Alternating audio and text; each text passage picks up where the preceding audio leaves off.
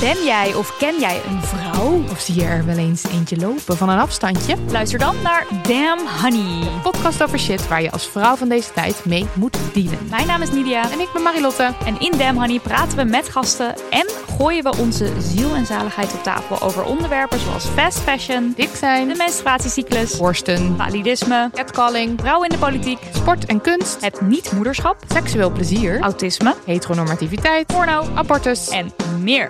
Elke zaterdag in je podcastfeed.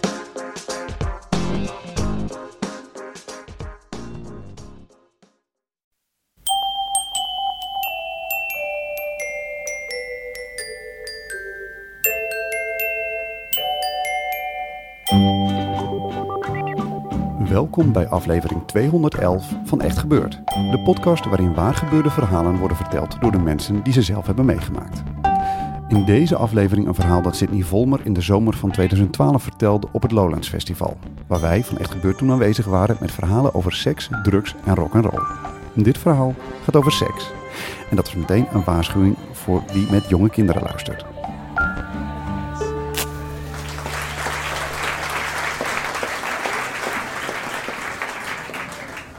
Toen ik een jaar of eh, tien was, toen was seks nog spannend. En mijn eerste spannende ervaring met seks was samen met mijn broertje. Mijn, mijn ouders waren even weg en wij vonden in de kast van mijn vader vonden wij, eh, een, een Playboy.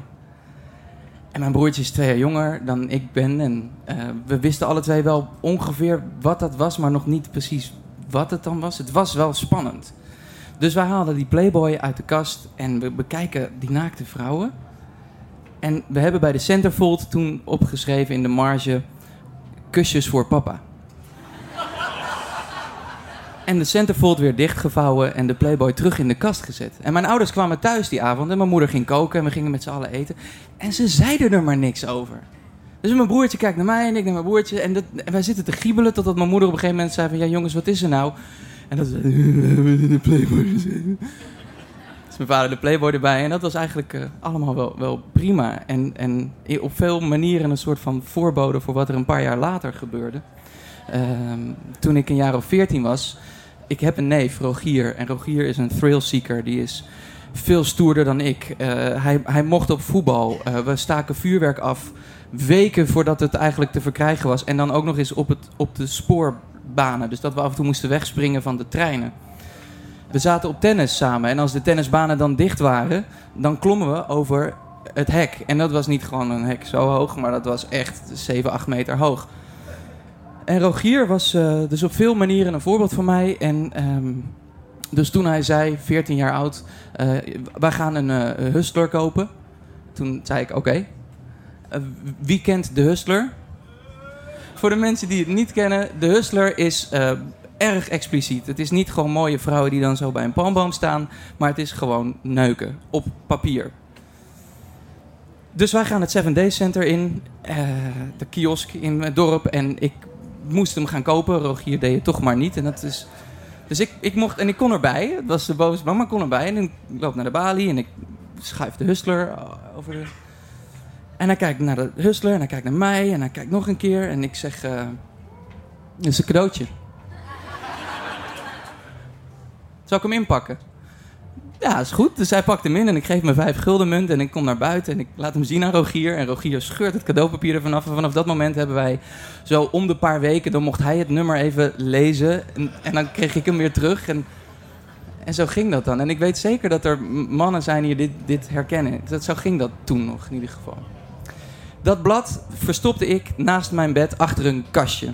Ehm, en op een eh, mooie dag kwam mijn vader naar boven.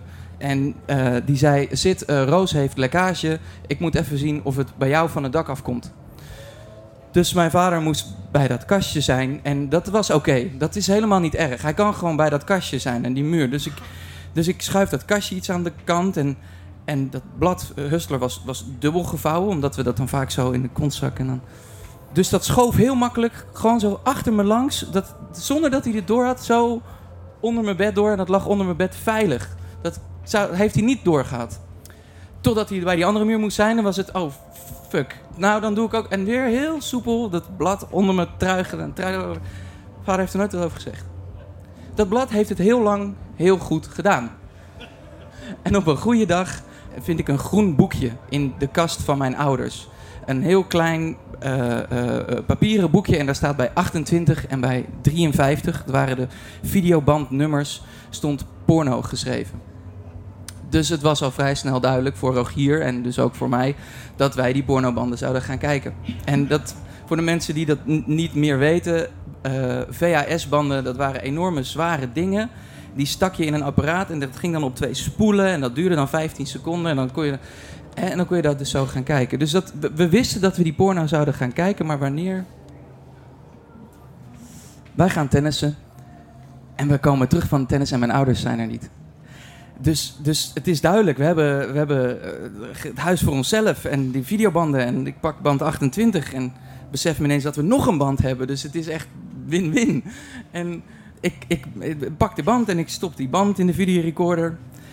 Ja, en dan, dan ga je dus alle twee op een bank zitten en met een soort van kussens eh, scherm je jezelf af. Gewoon om op te leunen. Niet dat je verder iets doet terwijl je de porno kijkt, maar je, je, doet gewoon, het zit dan alle twee een soort van afgeschermd van elkaar. Zit je dan tegelijkertijd die porno te kijken. En dat ging ook heel goed. Ehm, het was een meneer met een eh, hele mooie snor en die had allemaal zweet zo en die stond in een fitnesszaal stond hij zo te...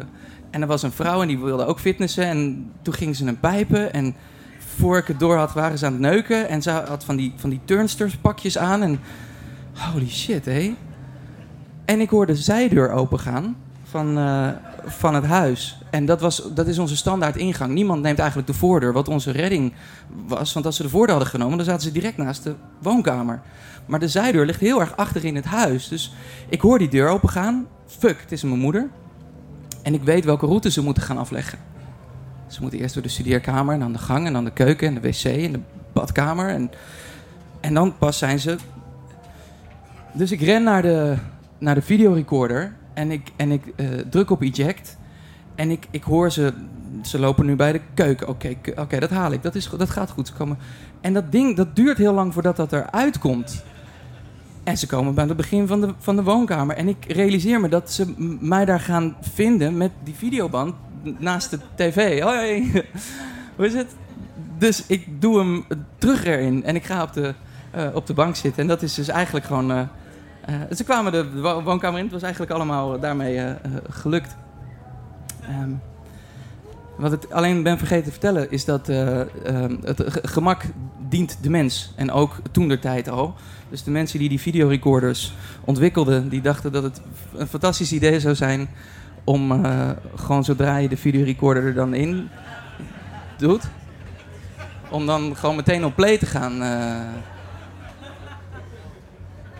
En wij zaten Roland Garros te kijken. Dat was gewoon wat we aan het doen waren. Trainingsboeken, tennis en... En mijn moeder die staat er met de handtas en die zegt... Hoi jongens, hoe was tennissen? Ik zeg, ja, ja, goed, goed, goed. En ineens die close-up van die vagina met die penis die er de hele tijd zo...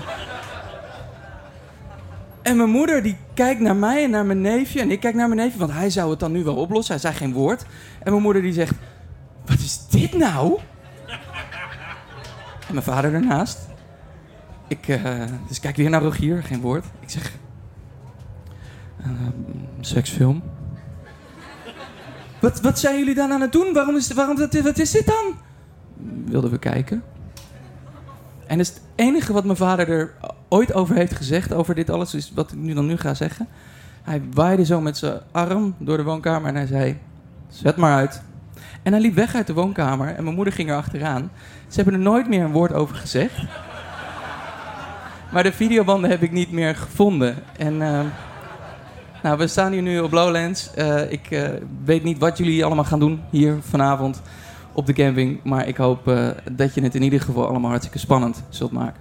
Dankjewel. Dat was het verhaal van Sidney Volmer. Sidney is schrijver en creatief strateeg. Zijn laatste boek heet On-Off. Op zoek naar balans in digitale tijden. Deze opname werd gemaakt tijdens het Lowlands Festival 2012.